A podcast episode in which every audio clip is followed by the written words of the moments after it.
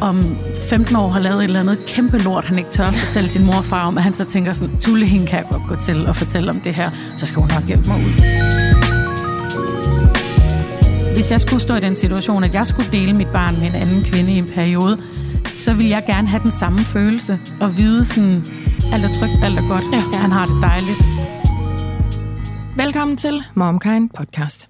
I det her program, der skal vi tale om at være bonusmor, altså når man forelsker sig til andres børn og får en afgørende rolle i et eller flere børns liv. Vi taler om tankerne, de ægte og de måske lidt svære følelser, om de potentielle konflikter, og om hvordan man bedst passer på dine, mine og vores, når man bevæger sig ind i en majsmark af andre menneskers fortid og forældreskab. Og det gør vi med dagens panel, som består af Ane Høgsberg og Ditte Vige. Velkommen til jer to. Mange tak. Mange tak. Ditte, du øh, studerer, du læser Service Systems Design, og så er du øh, skribent. Ja. Og så har du faktisk også en Instagram-profil, der hedder Den Onde Stemor. Det er rigtigt. øh, sådan skrevet ironisk går vi ud fra, ikke? Og vi skal bede om en, øh, en morstatus. Ja, men jeg er mor til Ellie på 3 og Frida på 1, og så er jeg bonusmor til Isabel, som er 15 år gammel. Og øhm, jeg er et virkelig godt sted i, øh, ja, i mit moderskab. Jeg føler, det følger, følger altid lidt årstiden, og øh, på den her tid kan vi komme ud af huset, og det betyder sindssygt meget for mig. Og Isabel, hun går på efterskole og kommer hjem her efter sommerferien, så det er også sådan spændende, fordi vi går en ret ny tid i møde sådan, som familie. Ja. Der sker også noget med sommeren, det, tingene bliver lidt lettere. Ja. Altså sådan helt konkret, der er færre ting, man skal have med på en måde. Altså, Ja. det, det, det er bare nemmere at komme ud af døren, hvis det bare tager lige nogle klipklapper på hurtigt. Ja, mindre tøj. Jamen, og- ja, det er ja. rigtigt. Der sker sådan Jeg en synes, det lille er så letning. dejligt. Og man kan bare smide dem udenfor om morgenen. Og, Luk dem Altså- ind igen om aftenen. ja, jeg synes, det er så rart. ja, kender. ja. Anne, Ja, tak. øh, du er komiker. Yes. Ja, morstatus. Jamen, jeg er jo bonusmor til Axel på fem og, og, en, og en chat. Mm. Og så har jeg en, jeg selv har lavet, der hedder Ebbe, som er lige knap to og et halvt. Ja. Jeg synes, der er mange ting, der, der kunne være morstatus. Det er lang tid siden, jeg har været herinde, jo, så jeg skal forsøge at begrænse mig. Men jeg synes faktisk, jeg er nået et sted i mit moderskab lige nu, hvor jeg har fundet min landsby. Ja. Det har vi jo også snakket om i det her program. It Ja, det takes har vi. a village Ja, det gør det. to do the child thing. Ja. Øh, og Lasse og jeg tog jo en beslutning om at flytte øh, væk fra København. Vi rykkede først en tur til Jylland og så til Sorø. Og vi har jo ikke på den måde sådan nogen tilknytning til Sorø. Der bor ikke nogen bedsteforældre. Vi har, ikke, øh, vi har en, kollega, men det er jo ikke nogen, vi render på døren og sådan. Så jeg har måske nok let lidt efter min, min landsby. Hvem, hvem kan jeg støtte mig op af? Jeg har ikke nogen mødergruppe, sådan nogle ting. Ja. Og det synes jeg simpelthen, jeg har fundet i Ebbes pædagoger. Ja. Jeg er ikke sikker på, at de på den måde sådan har indvildet i at være min landsby. Jeg kan bare mærke sådan, jeg elsker de damer, der arbejder i den vuggestue. Ej, hvor er det Åh, det er dejligt. dejligt. Pepper elsker dem også rigtig meget. Altså, i morges havde vi en kamp klokken kvart over syv, fordi nu vil han i vuggestue. Ja. Og jeg var sådan, vi skal ikke i vuggestue før klokken otte. Han var sådan, jeg er klar. Han lagde sådan noget på gulvet og skreg, fordi han gerne ville i vuggestue. Øh, I går, der afleverede ham, der ville han ikke med hjem igen og sådan noget, da jeg skulle hente ham. Og jeg, jeg føler virkelig sådan, jeg i dem har mødt nogle mennesker, som jeg sådan kan snakke med mit barn om, og som kender ham, ikke lige så godt som mig, men sådan ret tæt på, mm-hmm. og som er investeret i min unge, og når jeg så har nogle frustrationer, eller nogle ting, jeg ikke forstår, eller noget, jeg er usikker på, så føler jeg virkelig sådan, at jeg kan, jeg kan snakke med dem om den, og det er virkelig dejligt. Men der er jo heller ikke noget landsby. bedre, end at have en tryghed omkring de øhm, voksne, andre voksne, der passer på ens børn. Altså det der med, jeg føler, du kender mit barn, jeg kan lide dig, mit barn kan lide dig. Altså det er ikke så lang tid siden, at vi øhm, havde lige pludselig en meget stor pige, der skulle stoppe i dagpleje, og så op i børnehave. Og da vi, det var ligesom om, det, at jeg pakkede den der kurv sammen med hendes ekstra tøj hos dagplejemor, der slog det mig, hvor meget vi har stolet på hende. Ja. Altså, hvor meget vi har kunne lide hende, hvor meget vi har været trygge ved hende. Og, altså, det hyldede mig igennem den der seance. Jo, ikke? Du skulle jo også stoppe i dagpleje på en eller anden måde. Fuldstændig. Ja. Så, det, så er jeg helt med på det der med, altså det kan godt være, at de ikke ser dig som landsbyen. det, tror jeg måske godt, du har en point i. Men det der med, sådan, det, der er nogen her omkring mit barn, og det er dejligt. Ja, det er rigtig dejligt, og ja. Jeg synes, det der institutionsliv nogle gange godt kan blive sådan, måske særligt den tid, vi er i lige nu, blive lidt uskældt.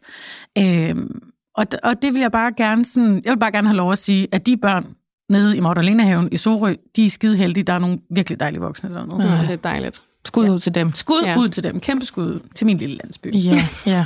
It's a tribe, ikke? It is a tribe. Og ja, jeg så den der med, it takes a village, og så var det streget ud, og så stod der vineyard nedenunder. altså sådan noget morsjov, ha, ha, ha. Man skal have masser af rødvin nogle gange for at klare det. Der vil jeg sige, fire valium kan altså også gøre det. Ane, Undskyld. Ja, min morstatus er, at jeg havde en form for... Nej, jeg skal lige sige først, at jeg har Trille på et halvt år lidt til, øh, og Elle på tre år lidt til. Og i går, der havde jeg en date med min mand. Ej.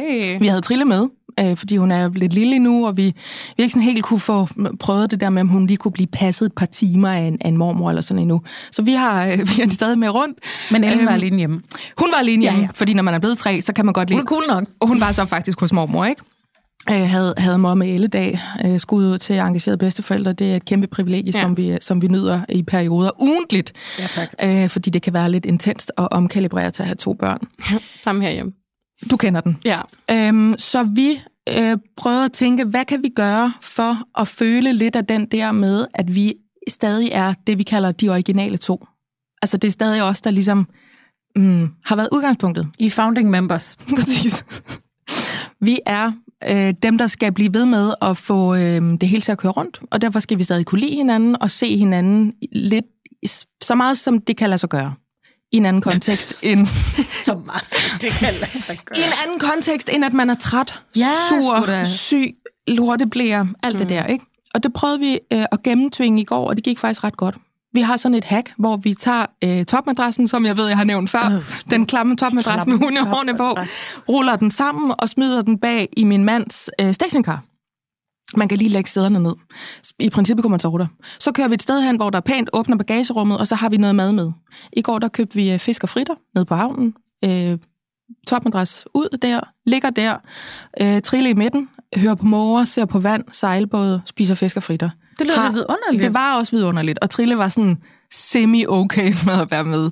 Øhm, men bare det der med lige at komme ud og gøre noget. Det, det føltes som noget, der var engang, og som vi gerne vil have mere af, og som Ja. vi jo i sagens natur kommer til at kunne gøre mere og mere. Altså sådan, det, det, Et det letter eventyr. mere og mere, ikke? Ja. Så sådan en helt kæresteagtig tur, selvom vi så... Altså det er det der med, når man har to børn til daglig, så kan det føles som om, mm, der er der næsten ikke noget at lave, når der kun er en, ikke? Jo. den oplevelse havde vi i går, og det morstatus, det er, at vi, vi, sådan, vi fik lige den der, hvad er det? Er, det? er det noget frihed, eller noget pause, eller sådan lige lidt, lidt lethed, der kom der? Ja. Ja midt i en ellers ret intens periode, ikke? Så det er min morstatus, og øhm, nu skal vi lave det her program, der handler om at være bonusmor. Ja. Det er der mange, der gerne vil høre. Jeg vil også gerne høre det, og jeg glæder mig til at lave det med jer to. Altså Ditte og øh, Ane. Må jeg spørge dig om noget? Ja. Er du uh, Majbert Maria Lundgaard, og lytter jeg til podcasten Momkind? Ja, Ane. Jeg elsker, Ikke? når du siger det. Sig det lige for mig. det siger du på den samme måde Ja. hver gang. Det her, det er Momkind Podcast. Jeg hedder Majbrit Maria Lundgaard. Mm.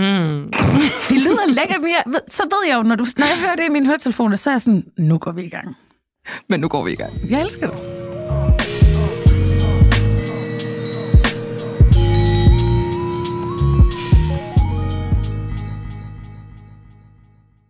Denne episode af Momkind Podcast er sponsoreret af Puri. Og jeg har jo tidligere fortalt om, hvordan jeg er blevet glad for deres vitaminer. Men nu har jeg lyst til at dele, at jeg også er blevet glad for deres kollagen. Jeg blander faktisk deres CP1, som er testet ren kollagen, og CP3 Beauty. CP3 indeholder nemlig zink og biotin, der blandt andet bidrager til at vedligeholde normal hud, og jeg oplever faktisk, at jeg både får mindre tør hud og færre revnede fingerspidser, når jeg tager det her. Udover zink og biotin, så indeholder CP3 Beauty også C-vitamin, B6-vitamin og hyaluronsyre. Puris produkter er testet for renhed og kvalitet, herunder uønskede stoffer som tungmetaller, pesticider og lignende, og du kan selv se testresultaterne, hvis du scanner QR-koden på bagsiden af deres produkter. Har du lyst til at prøve deres kollagen eller nogle af deres andre produkter, så kan du bruge koden MOMKIND30, når du tegner abonnement. Så får du 30% rabat på de første tre leveringer, og altså på produkter til tre måneder. Jeg kunne tænke mig, at vi starter der, hvor øh, du, Ditte, lige pludselig bliver klar over, jeg er da vist på vej ind i et parforhold med en mand, der har børn i forvejen. Hvad gør man sig af tanker? Hvad gjorde du der af tanker, eller måske bekymringer omkring det at vide, at hvis det her det bliver alvorligt, så får jeg lige pludselig en ret afgørende rolle i et barns liv? Øhm, altså, det er jo sjovt, du siger det, fordi at øh, alt det, du lige nævnte, det gjorde jeg slet ikke. jeg var Nej. bare øh, altså, hovedkuls forelsket i, øh, i en mand, og slå, altså, jeg så slet ikke alle de her ting fra start af. Så jeg var bare forelsket, og jeg blev altså, mindst lige så forelsket i hans datter, og jeg havde ja-hatten på og tænkte, det skal jeg nok klare, og der er der ikke nogen bekymringer, og altså, det går da godt, og hun er da sød, og han er da sød, og hvad er det, alle snakker om? Hvorfor skulle det dog være et kæmpe problem at gå ind i den her relation, ikke? Så øhm, altså, de ting, du nævnte, er nok det, jeg måske burde have overvejet. Jeg tror, det havde klædt mig bedre på til at øh, bare tage opgaven. Så de her øh, bekymringer, de kom nok først efter ja, lang tid faktisk. Altså, jeg tror, det er over et halvt år, et år eller sådan noget, hvor det første der, det går op for mig sådan, gud, der følger altså andre ting med, end bare forelskelse og det der kysseudslæt rundt om munden. Ja, ja. ja. ja men også altså, filmaftener og alle mulige ting, som, som jeg jo ikke havde haft i, i mit liv, fordi der lige pludselig kom børn overnight. Ikke? Mm. Øhm, og sådan tivoli-ture og fredagsslik og alle sådan nogle altså, rigtig dejlige ting, som, øhm, som jeg hygger mig ekstremt meget. Jeg, altså, jeg er sådan en rigtig legeonkel. Jeg synes bare, det er mega fedt at være sammen med børn, så jeg synes, det var dejligt at kunne spille fodbold og spille rundbold og lege med heste og mm. alle de her ting, som min øh, bonusdatter, hun gjorde dengang, at jeg kom ind i konstellationen. Øhm, og jeg gik virkelig altså, ind i det med 100 km i timen. Ja.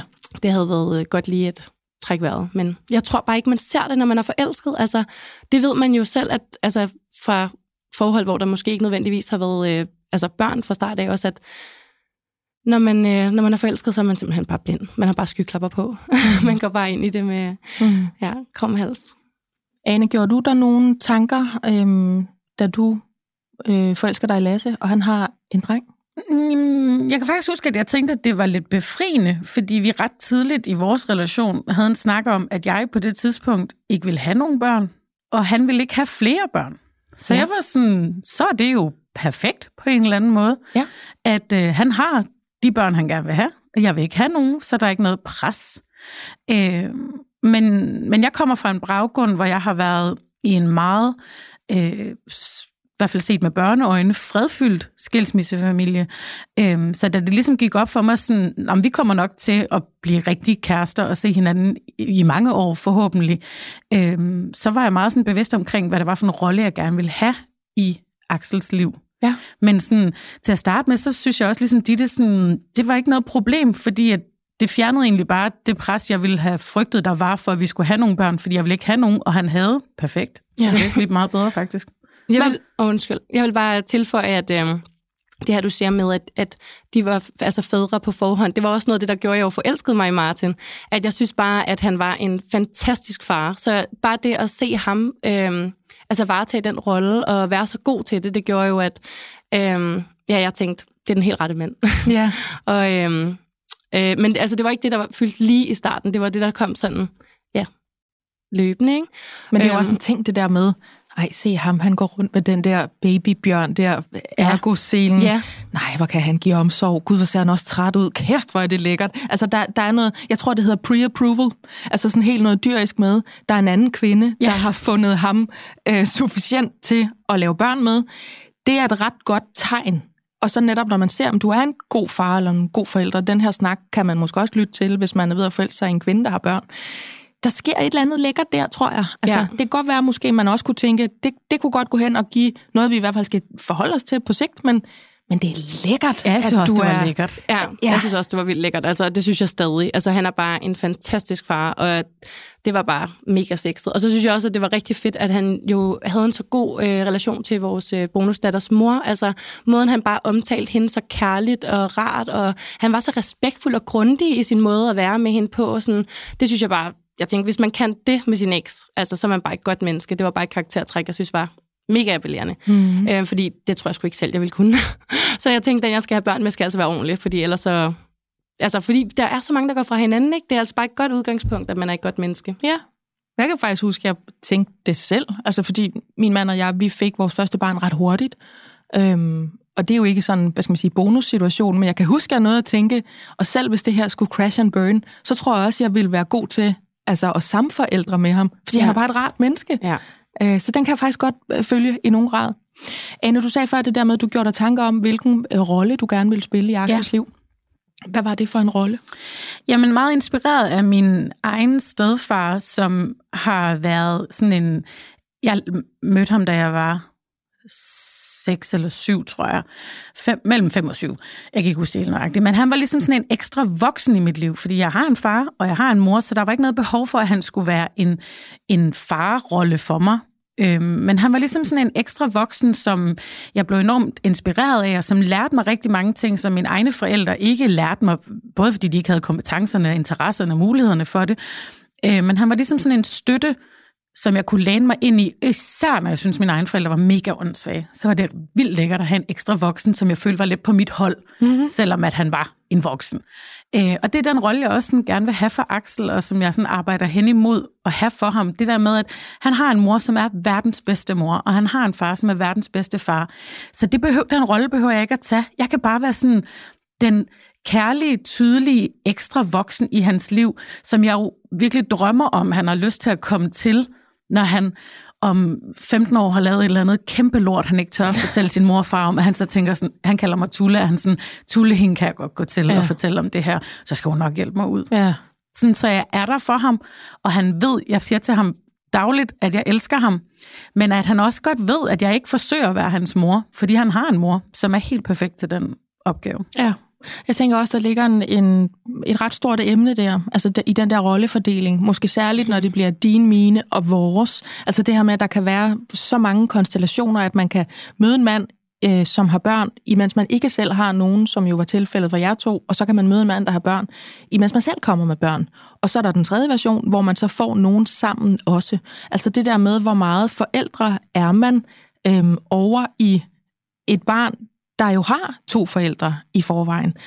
Og der talte vi to også om, Ane, da vi snakkede om det her program, at du bliver også indrømmet måske lidt mere frihed til at være øh, sjove, søde, kærlige Tulle, som kan være på Axels hold, fordi I har ham hver en weekend. Ja. Hvor hjemme hos øh, dig, Ditte, der har du øh, din bonuspige øh, det meste af tiden. Ja.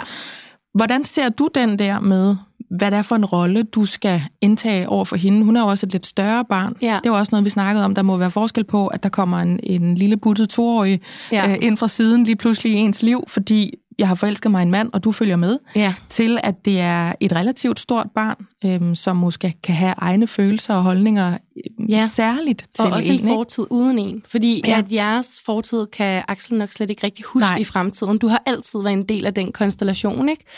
Øhm, og der har øh, min kæreste og min bonusdatter helt klart haft en tosomhed, inden jeg kom ind i billedet.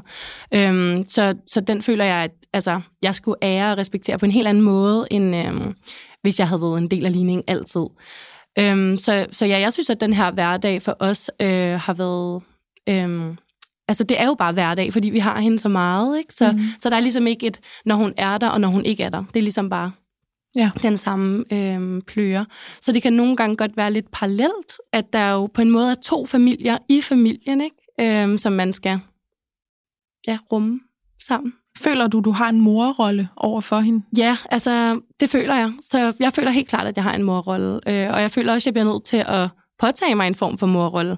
Jeg kan bedre lige at omtale det som fars kæreste, for jeg synes, det her med bonusmor, ekstra mor, bonusvoksen, det lyder som om, man har, man har en relation som udgangspunkt til barnet. Men det har man jo ikke. Man har jo som udgangspunkt en relation til faren. Altså, jeg er fars kæreste.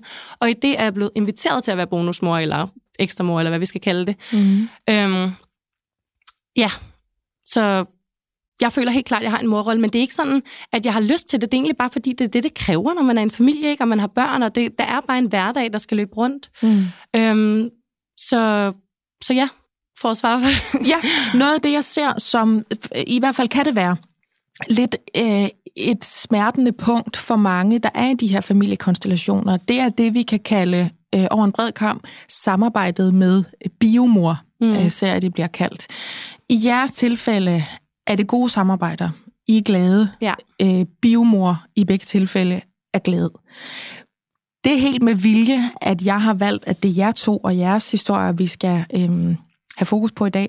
Fordi jeg har ikke lyst til at lave et program, hvor vi taler øhm, negativt om en konflikt og en person, der ikke er her, og som altså ikke får lov til at svare for. Så det vil jeg være ked af at sætte ild til.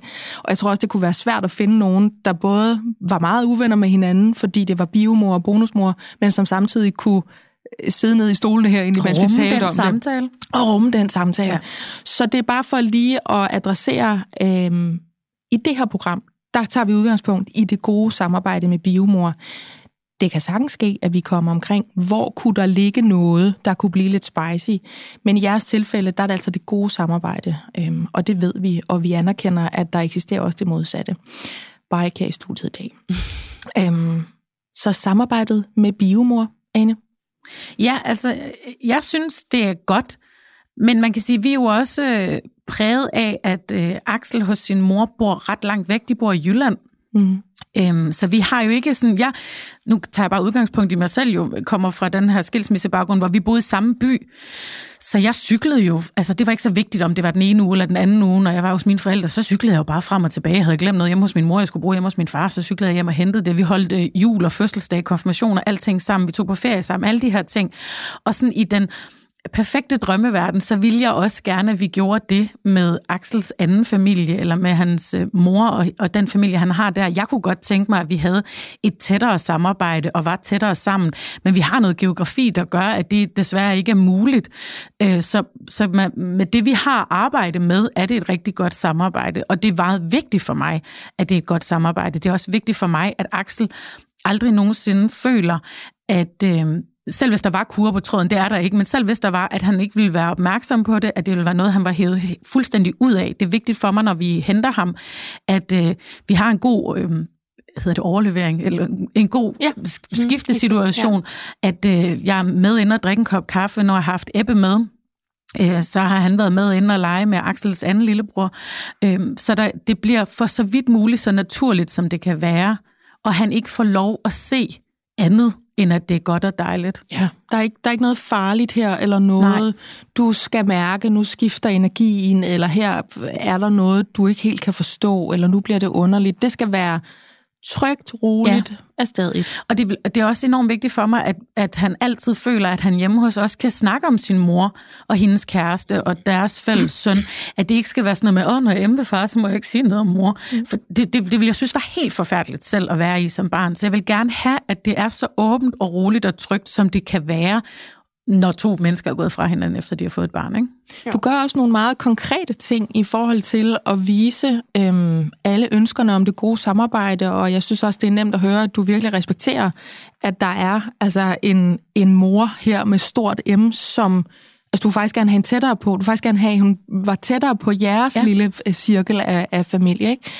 Men du gør nogle ting. Der var noget med nogle gaver, der var noget med noget jul, ja. og prøv altså, lige at fortælle om det. Jeg prøver i hvert fald, og jeg, jeg er 100% klar over, at det på nogle biomøder kan virke som sådan en rød klud i ansigtet og være sådan en overskudsbonusmor, der bare gør alt det rigtige for at facilitere et godt samarbejde. Men det er ikke med den hensigt, jeg gør det for at lave en rød klud. Derfor er Axel, han skal forstå, øh, at der ikke er noget farligt ved det.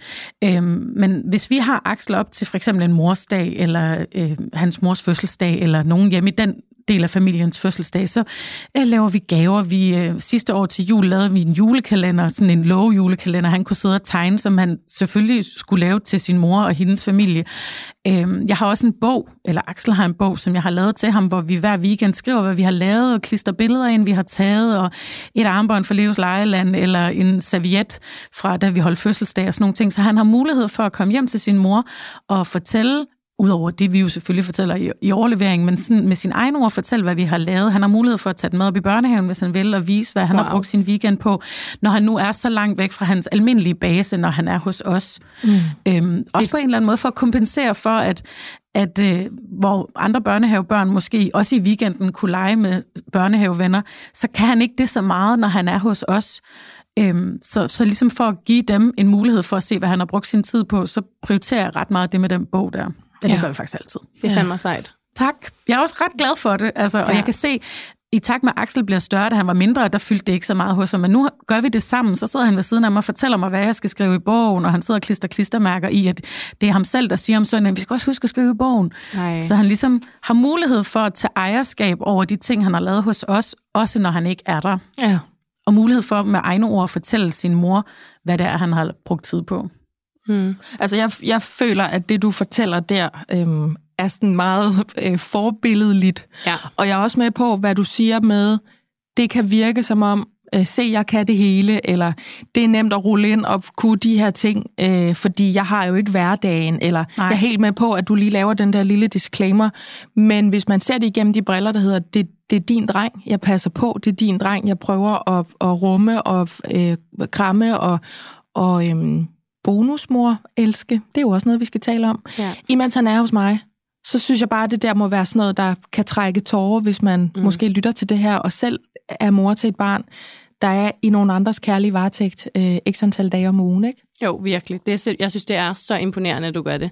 Tak. Altså, det er... Ja, fordi det, man skal også bare ære det som... Øh, altså som bonusforældre. Sådan, jeg var for eksempel med ude og få lavet min øh, bonusdatters huller i ørerne, og det var ikke noget, jeg sådan på den måde havde tænkt var sådan en særlig ting. Men nu, når jeg selv har fået børn, så forstår jeg jo lige pludselig, yeah. at det er bare noget Kæmpe særligt. ting. Altså at få lavet huller i ørerne, og tabe den første tand, og altså være med på alle de her store første dage. Ikke? Og den måde, du så ligesom omfavner det på ved at få lavet det i den her bog, det gør jo, at, øh, altså, øh, ja, at moren faktisk også får lov til at være med. Ikke? Jo, det er i hvert fald mit jeg, ønske, at hun netop også, som du siger, Margaret, kan, kan læse ud af de her ting, at at han har det godt, vi passer godt ja. på ham, og det var det, hvis jeg skulle stå i den situation, at jeg skulle dele mit barn med en anden kvinde i en periode, så ville jeg gerne have den samme følelse, og vide sådan, alt er trygt, alt er godt, ja. han har det dejligt, og det er okay for så vidt muligt, ja. som det nu kan være. Men det tror jeg også er det, jeg kan sidde og mærke nu, fordi jeg, jeg er jo ikke i en situation, hvor jeg er bonusmor, men, men det, jeg kan øh, tænke mig frem til, når jeg sådan prøver at relatere eller spejle følelser eller leve mig ind i jeres fortællinger, det er jo, hvis øh, vi pludselig skulle stoppe med at være en familie, der boede under det samme tag, men skulle være en familie, der boede fra hinanden, og det er helt med vilje, jeg siger, stadigvæk er en familie, men i en ny konstellation. Så håber jeg, at det er dig, han møder. Ja, tak. Ja. Hvis man må sige det. Tak skal du have, Maja. Øhm, jeg kan altså ikke overskue flere børn lige nu, men, men, men det søger der også ned i min pulje. Ja, nu ved du, nu har vi lige en, vi har lagt ja. ice, ikke? Øh, det det, vi talte jo sammen i telefon inden det her program, øh, fordi jeg vil jo have et kig ind i jeres hjerner. Det er jo jer, der ved, øh, hvad der rører sig i jeg vil lige sige branchen, men når, når man er bonusmor, ikke? Jo. Og du sagde til mig, der er sådan noget som en loyalitetskonflikt i forhold til, hvem er den? Altså ja. det her med, er man mor? Er man bonusmor? Er man ekstra forældre? Hvem opdrager? Mm. Øhm, du sagde, at du var lidt henne i det, føler jeg lidt af, det der med, må man tale om mor, når man er derhjemme, ja. må man tale om dem, når man er det andet sted. Prøv at tage lidt med ind i sådan et ord som loyalitetskonflikt. Hvad tænker du, der ligger i den?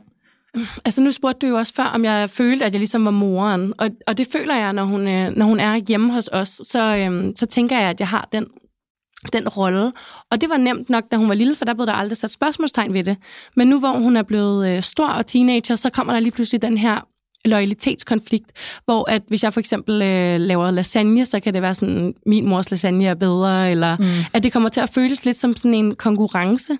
Øhm, så der har det helt klart været vigtigt, og ligesom du også siger, pointere, at det, det er simpelthen ikke en konkurrence. Jeg er ikke øhm, ude på at tage din mors plads. Altså, du har en fantastisk og dejlig mor, og jeg er ligesom bare ekstra. Altså, jeg er der bare os. Mm. Øhm, og, og jeg er ikke sådan ude på at øh, tage noget fra dig. Altså, det er virkelig... Øh, en tilføjelse. Ikke? Øhm, og der synes jeg også meget, at både øh, faren og den øh, biologiske mor, altså de har simpelthen et kæmpe ansvar for at facilitere det her gode samarbejde, og ligesom gentagende gange øh, altså undertrykke eller understrege, at at der er ikke noget på spil. Altså, du kan sagtens elske den her ekstra voksen, som er kommet ind i dit liv, uden at der bliver taget noget fra mig som mor, eller noget fra mig som far. Det er mm. bare en gave, at øh, der kommer de her ekstra ressourcer ind i dit liv.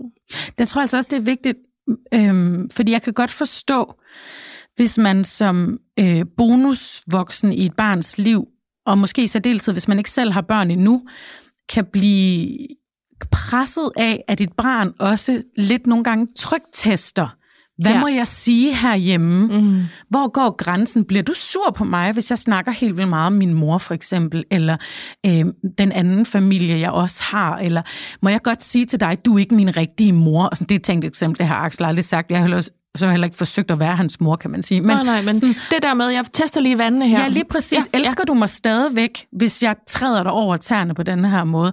Og der, det er jo, jeg kan godt forstå, at man som kvinde kan blive såret over at have stået og lavet lasagne til en hel familie, og der er så et barn, der skubber tallerkenen væk og siger, jeg kan ikke lide den her lasagne, jeg kan kun lide min mors. Mm.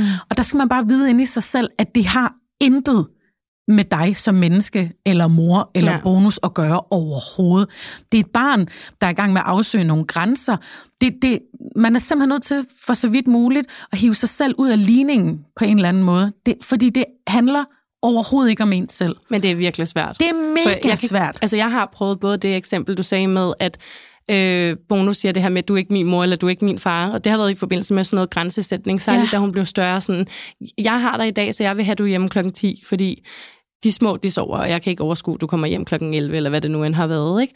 Og hvor at, øh, hendes argument så kunne være, at, at du er ikke min mor, eller du er ikke min far. Men der har jeg virkelig prøvet at skære igennem, nej, det er jeg ikke, men jeg er den voksne, og det er mig, der bestemmer. Ja. lige nu, fordi vi bor i samme husstand.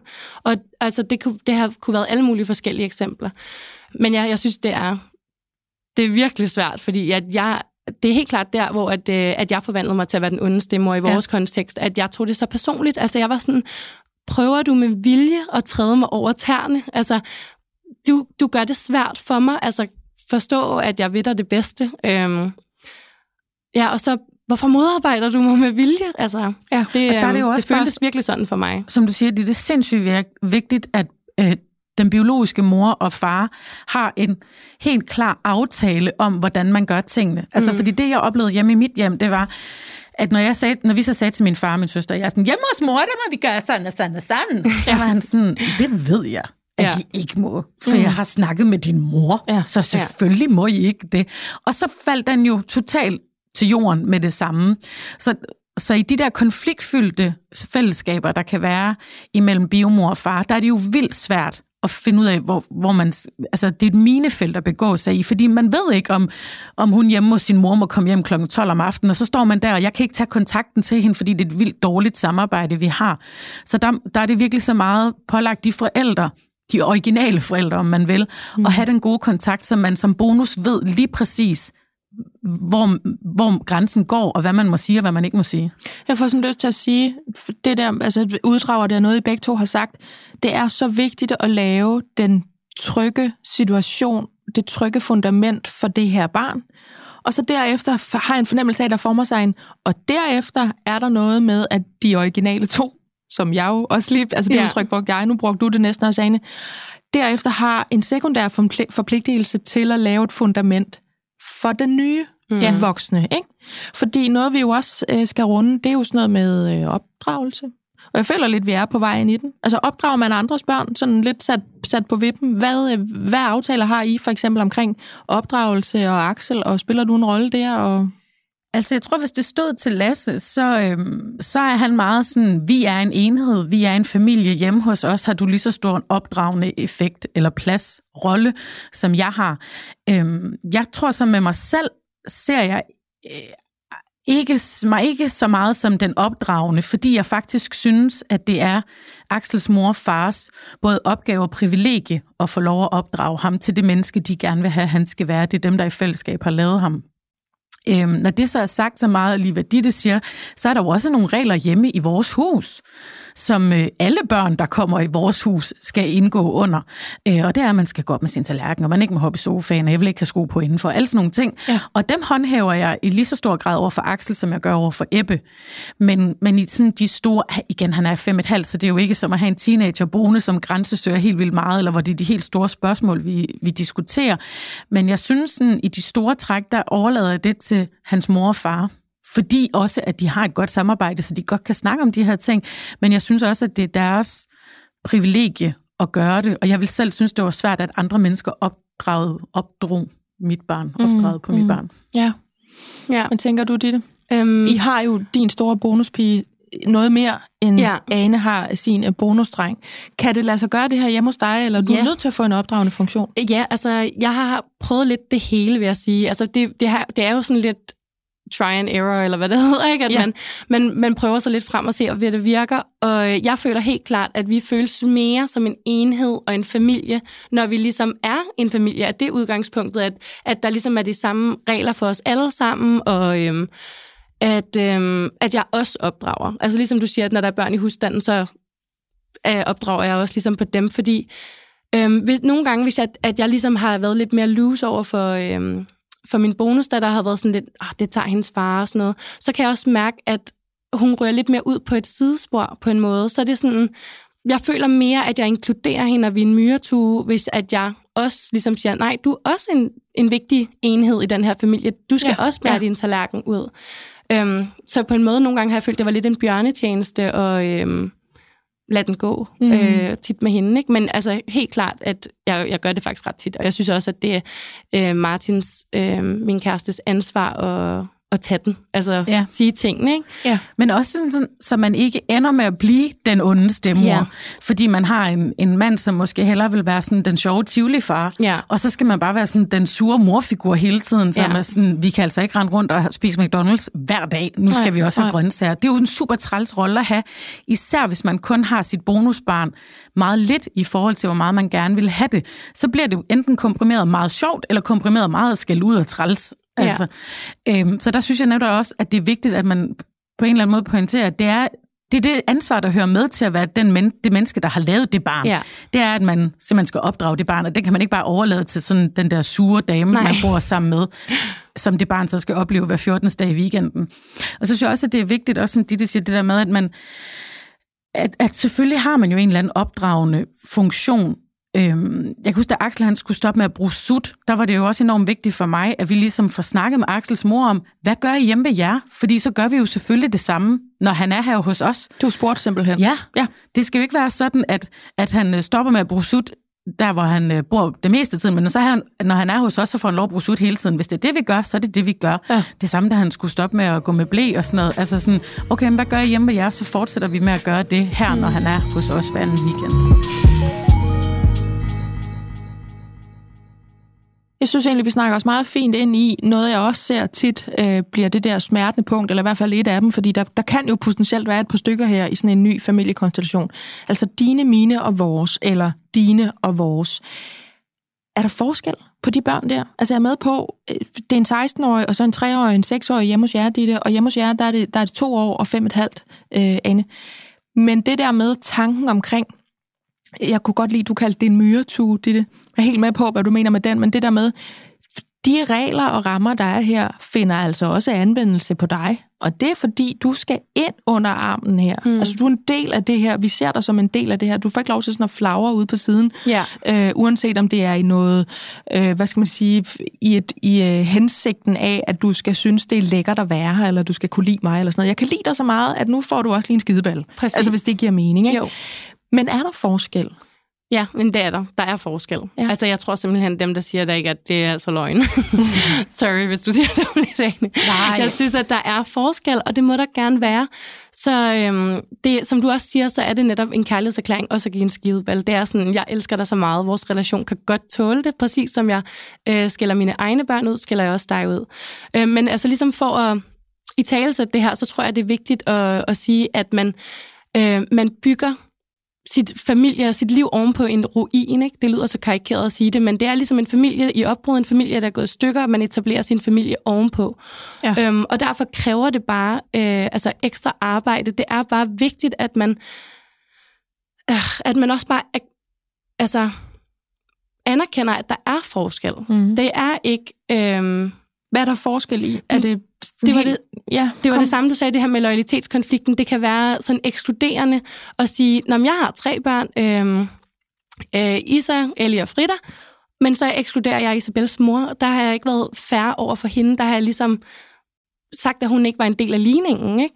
Øhm, så man skal gøre forskel. Man skal ligesom anerkende, at der er andre mennesker i, øh, ja. i relationen. Øhm. Ja, så jeg forsøget på at være i omfavne. alle sammen mine børn, ja. får du kørt en anden person ud på siden. Præcis. Men hvis du siger, jeg har to børn, og så er der mit bonusbarn, så får du på en måde kørt hende ud på siden. Ja, ja. så er jeg også ekskluderende. Så det er ja. lidt sådan en lose-lose situation, ikke? At man, uanset hvordan man vender og drejer det, så bliver man en lille smule øh, afstandstagende for enten den ene eller den anden. Ikke? Mm. Det er i hvert fald det dilemma, jeg oftest møder på. Jeg aner simpelthen ikke, hvordan jeg skal i talesæt over for nye relationer, eller hvis vi er ude på en legeplads, hvad for nogle af børnene, der er mine, hvordan er jeg sådan mest omfavnende, ikke? Ja. Øhm, øh, og jeg, jeg, så, så det, jeg vil sige med det, var bare, at der er forskel, og man skal gøre forskel, fordi det er der. Øhm, jeg tror, ja. forskellen hjemme hos os lige nu er meget sådan præsent, fordi øh, Ebbe kalder mig jo mor, fordi mm. jeg har født ham. Men Axel kalder mig Tulle, fordi jeg jo ikke er hans mor. Ja. Og, og jeg kan mærke lige nu på Ebbe, at det, sådan, det er ved at gå lidt op for ham på en eller anden måde. Han er også blevet mere sådan bevidst omkring, at Axel jo tager afsted igen, og snakker meget om, at Axel er hjemme ved sin mor, og ja. taler meget om, at nu kommer Axel på weekend og sådan noget. Så, så lige pludselig bliver det meget tydeligt for mig, at, at Ebbe også bliver bevidst omkring, at der er en forskel. Han går meget op i lige nu med, hvem der er mor til hvem, og hvem er far til hvem, og, og, og hvor er Axel henne, når han ikke er der, og sådan nogle ting. Ja. Øhm, så derved så, så bliver forskellen sådan meget tydelig på en eller anden måde. Og jeg, jeg plejer at sige, at jeg har to børn, jeg har kun født den ene. For ligesom på en eller anden måde netop også at imødekomme at, og respektere, at der er en anden dame, der har leveret øh, det kærlighedsforhold, jeg har til det barn hver anden weekend, ja, ja. men at jeg øh, elsker ham. Nu, nu er jeg jo nok den der type, der siger, at jeg elsker ham på samme måde. Jeg kan i hvert fald mærke, at det, sådan, det er det samme sted inde i maven. Jeg bliver varm og dejlig, når jeg sådan ser Axel gøre noget, der griner, som når jeg ser Ebbe gøre noget, der griner. Ja, ja. Men jeg har jo selvfølgelig heller aldrig prøvet andet. Jeg sidder og tænker, det er sådan lidt ligesom, når man siger om nogen, eller siger til nogen, jeg er din ven, og så kan du være min så meget, som du vil. Altså kan I se den der med, jeg har armene og de, altså de store bjørnelapper til, kom her og stil dig. Så meget kan jeg lide dig. Måske så meget, så jeg også skælder dig ud, eller jeg siger, om jeg har de her tre børn. Og så kan det godt være, at du, alt efter hvor gammel du er, eller hvilken sådan periode af din barndom du er i, synes jeg er røvirriterende, eller træls, eller min lasagne stinker. Men jeg har dig, altså jeg vil dig desuagtet, og så kan du gå til og fra, fordi jeg er den voksne, jeg har det overordnede ansvar for ja. at ville dig altid. Øhm, og så kan du møde op, når du vil, og så kan du være sur på mig og smække med mm. døren, eller skrige, du er ikke min mor, når du har brug for det. Det er en slags klippe. Men ja. altså med, med det, du siger, der får jeg også lyst til at sige, at øh, børnene kommer som sagt fra den her familie, der er gået i stykker. Så for dem er det ikke sådan der en selvfølge, at du bliver der. Nej. Altså, de tror ikke nødvendigvis, at du er der altså for evigt eller for godt. De, øh, der er ligesom den der usikkerhed i relationen, fordi de har allerede set deres mor og far gå fra hinanden, så hvorfor skulle du ligesom ikke ja. forsvinde ud af deres liv? Ja, ja. Så det er vigtigt at bekræfte dem i det, altså at sige det der, du siger, at jeg er vingerne, altså jeg bliver her. Ja. Øhm, relationen til ens biologiske børn er jo langt mere... Øhm, øh, altså den, den er etableret, den findes, den er der, den er, den er ligesom, der er ubetinget kærlighed. Og alle tror på det. Altså det, det er det her, vi snakkede om også i telefonen med, at jeg kan sagtens sige, hold kæft, mine børn, de har været så belastende den seneste uge. Jeg er så træt af dem. De har ikke sovet, og de gider ikke at spise noget som helst af det mad, jeg laver. Og øhm, jeg er så træt af dem. Ja. Og så ikke følge den op med, men selvfølgelig elsker jeg dem. Men hvis jeg siger det samme om Isabel, øh, min bonusdatter, så bliver jeg nødt til ligesom at lave den der disclaimer. Sådan, ja. Selvfølgelig elsker jeg hende. Altså, jeg synes, hun er fantastisk, og hun er også sød. Og, men det tror folk ikke på samme intuitive måde på, øh, helt naturligt den relation er langt mere øh, betinget. Altså det er en kærlighedsrelation, der skal plejes og værnes om øh, med langt større nænsomhed. Både internt i mig og hendes relation, men også udad til. Jeg bliver nødt til at talsætte den kærlighedsrelation på en anden måde, end jeg gør i mit biologiske moderskab. Ja. Så for mig er der en kæmpe stor forskel. Men det er rigtigt. Eller det ved jeg ikke, om det er. jeg kan for så dig meget, er det rigtigt. Ja, jeg kan så meget sådan... Jeg tror også, det var det, jeg sådan måske egentlig prøvede at sige, at Ebbe elsker jeg jo ubetinget fordi det gør man, hvis man i hvert fald er ved sin fulde fem som forældre, fordi jeg har selv lavet ham ud af min egen gode gamle tidskone, mm. kom han Nej, med der fuldeste kom den tilbage igen. det har også været et halvt års tid siden, vi har fået sagt det. Men det gør han. God gammel tidskone. Hvor at øh, Axel har jeg jo valgt at elske. Ja. Og, og det valg forhåbentlig kan han mærke, at det bekræfter jeg over for ham hver evig eneste gang, ja. jeg ser ham, og vi har ham.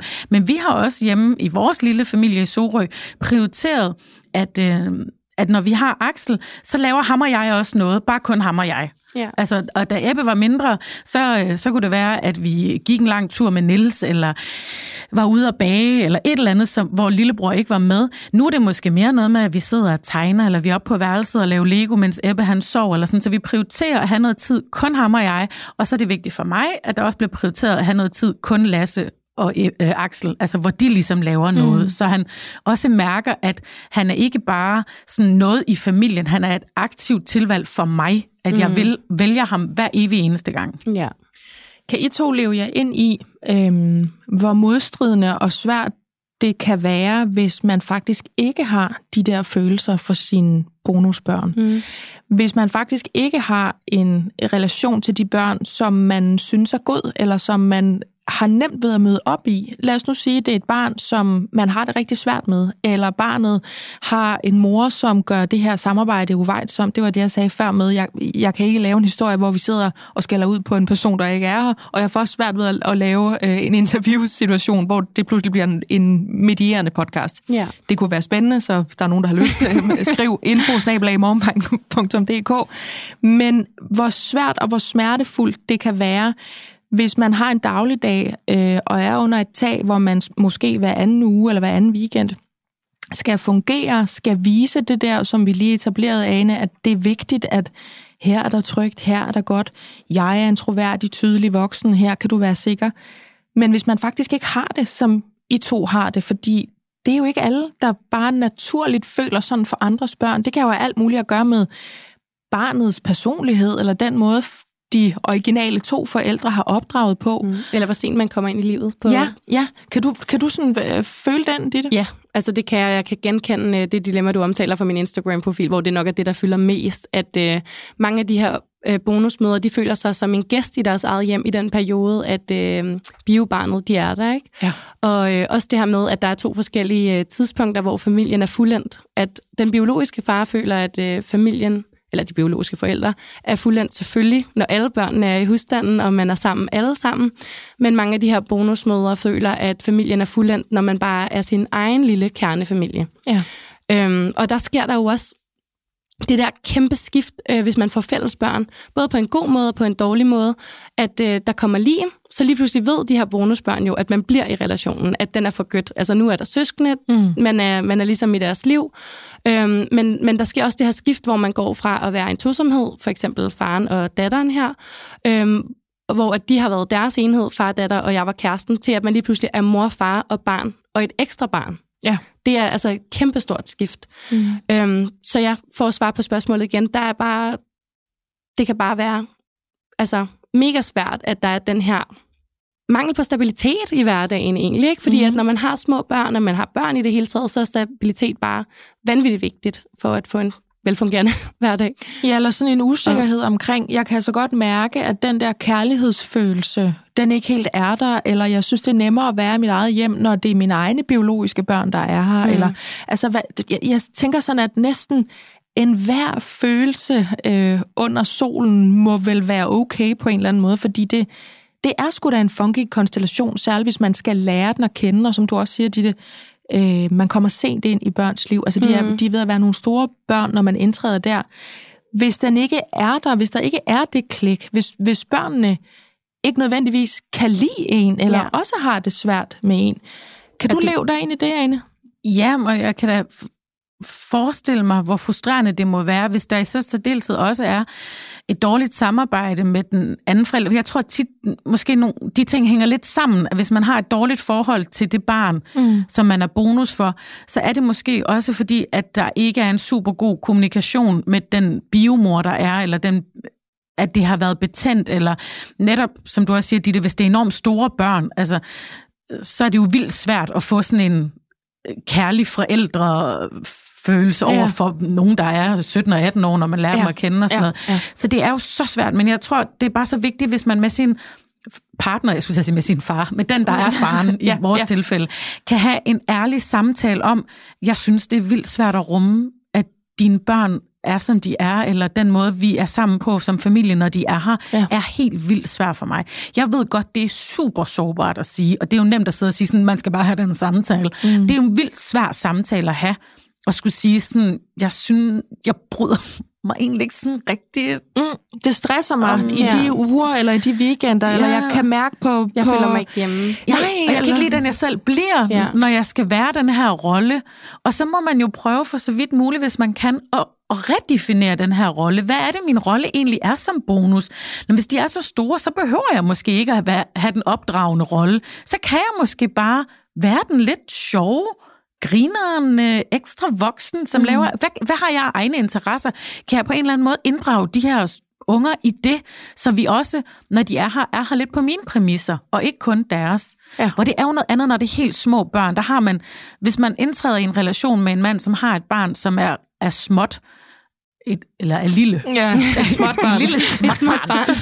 så har man som voksen et ansvar for også at få den relation til at fungere. Mm. Eller også så må man ligesom sige, vi ses ikke, når du har barn. Mm-hmm. Altså, for det kan man ikke være bekendt. Det, Men det handler også, der er så et meget om det der. barn. Altså, der er noget i forhold til små børn, Ja, har en der. eller anden naturlig hengivenhed over sig. Og hvis det er... Også en øh, naturlig ansvarsfordeling. Ja, præcis, ikke? Ja. Jo, så altså det, det betyder sindssygt meget, at øh, ja, alderen på børnene, altså hvor, hvordan at man også bare kan komme ind og varetage den her rolle som en ekstra forælder. Mm. Øhm, Der er en naturlighed, tror jeg, for mange i hvert fald. Eller, jeg kan også bare, det ved jeg ikke, om det var rigtigt, det jeg sagde der, men for mig så i hvert fald, omkring det at være øh, sammen med små børn. Mm. Altså, der ligger sådan en eller anden naturlighed omkring, om det, du går med blæ, så den skal vi sørge for, og du skal have Ja. noget mad, og her kan jeg lige løfte dig op, og der er mere nærhed, der er mere tæthed, der er noget mere konkret omsorgsgiven. Øh, given. Kan I føle den? Jeg, Ja. ja. Første gang, jeg mødte Axel, så øh, øh, stod jeg med en rosinpakke i hænderne, og den rakte han ligesom op efter, og så rakte jeg den ned til ham, så var han sådan, nej, nej, op. Og så kom han op til mig og lagde sine små, tykke arme omkring sådan nakken på mig, så var jeg sådan, okay, hvordan skal jeg ikke kunne elske dig? Ja. Altså sådan, ja. Ja. og der ville det da nok have været noget andet, hvis han var 15 år gammel og gav mig stor fed fuckfinger og var sådan, du er ikke min rigtige mor, du skal ikke tro, du er noget. Ja, eller vil op. Ja, præcis. det har været lidt en anden oplevelse. Ja. Altså, jeg tror, det, man, man skal være... Så skal man virkelig ikke kunne lide øh, børn, hvis man ikke ja. Ja. forelsker sig Det er, for, i det. det. er forskellige muskler op i hovedet, eller Ja. ja. forskellige afdelinger i hjernen, man skal kunne aktivere, ikke? Men det er også det her igen med, hvornår er familien er fuldendt. Altså, hvad må man? Altså, mm. nu, øhm, når, når vi har øhm, vores bonus, så plejer vi det at være der, vi tager i Tivoli, og der, vi tager på ferie og sådan noget. Men hvad så i de perioder, ligesom jeg, I har kun Axel hver anden weekend, ikke? Må I så ikke Jo. tage på ferie? Må I så ikke tage i Tivoli, når I ikke har ham? Det synes jeg er et kæmpestort dilemma, og det ved jeg er et dilemma, rigtig mange øh, Ja, fordi har man i. så valgt nogen fra, eller Ja. har man valgt nogen til, eller er der bare ikke tænkt over Ja, det, eller, eller må der godt være vilje? forskel, eller ja. Ja. Altså har I bevidst valgt at tage på ferie til Gran Canaria med All Inclusive den ene uge, hvor at øh, Bonus ikke kunne komme med, eller mm. var på ferie med, med sin mor? Ikke? Fordi Hvad vælger I det? Hvad gør I? vi, har, vi har gjort begge dele. Altså, øhm, vi, som udgangspunkt ligger vi store ting, når øh, vores bonus kan komme med. Men hvis der, der er for eksempel en ferie på seks uger, og bonus er tre uger hos sin mor, så har vi også øh, taget på ferie eller taget Tivoli, når hun ikke har været der. Mm. Men det, altså, det gør ondt i mit hjerte. Jeg synes, det er så svært. Men det er så rigtigt, fordi vi gør også begge ting. Vi prøver for så vidt muligt nemlig også at sådan sige, okay, kan vi rykke lidt på tingene og snakke med biomor, om vi måske kan have ham den der lørdag, selvom det ikke var vores lørdag, fordi så kan mm. vi gøre de her ting sammen med farmor og farfar, som han jo af naturlig årsag ikke ser lige så meget som Ebbe ser sin farmor og farfar, alt det der. Mm-hmm.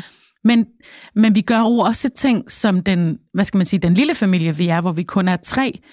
Øh, fordi det er jo ikke Ebbes skyld, at han kun ser Axel hver anden weekend. Nej. Men det er nemlig, som du siger, med sådan ondt i maven. Mm. Altså, det er med sådan en, øj, jeg vil ønske, at vi var en mere her. Jeg vil ønske, at Axel også var her.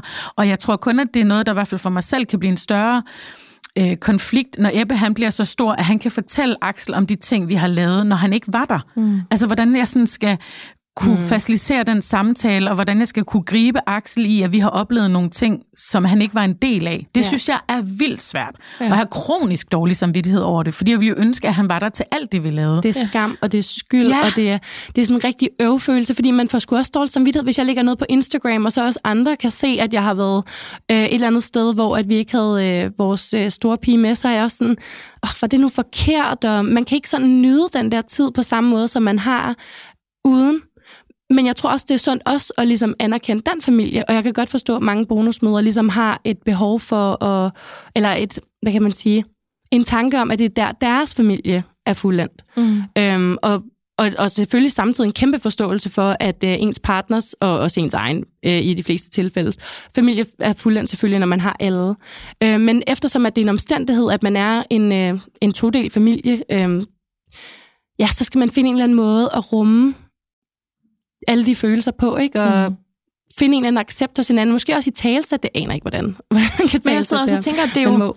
Altså det, at, det, at familier bryder op, og øh, kærlighedsforhold slutter, og børn øh, får nye omstændigheder i deres liv, er der jo egentlig ikke noget nyt ved.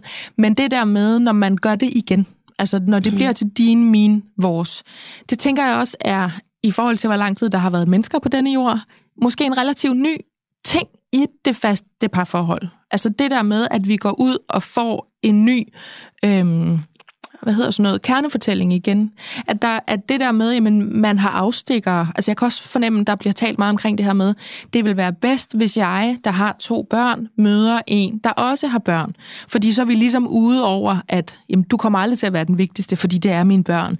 Eller så er der sådan en, der er et naturligt forældresprog, man taler, øhm, fordi det er noget, jeg tænker, vi sådan lige skal nå at runde.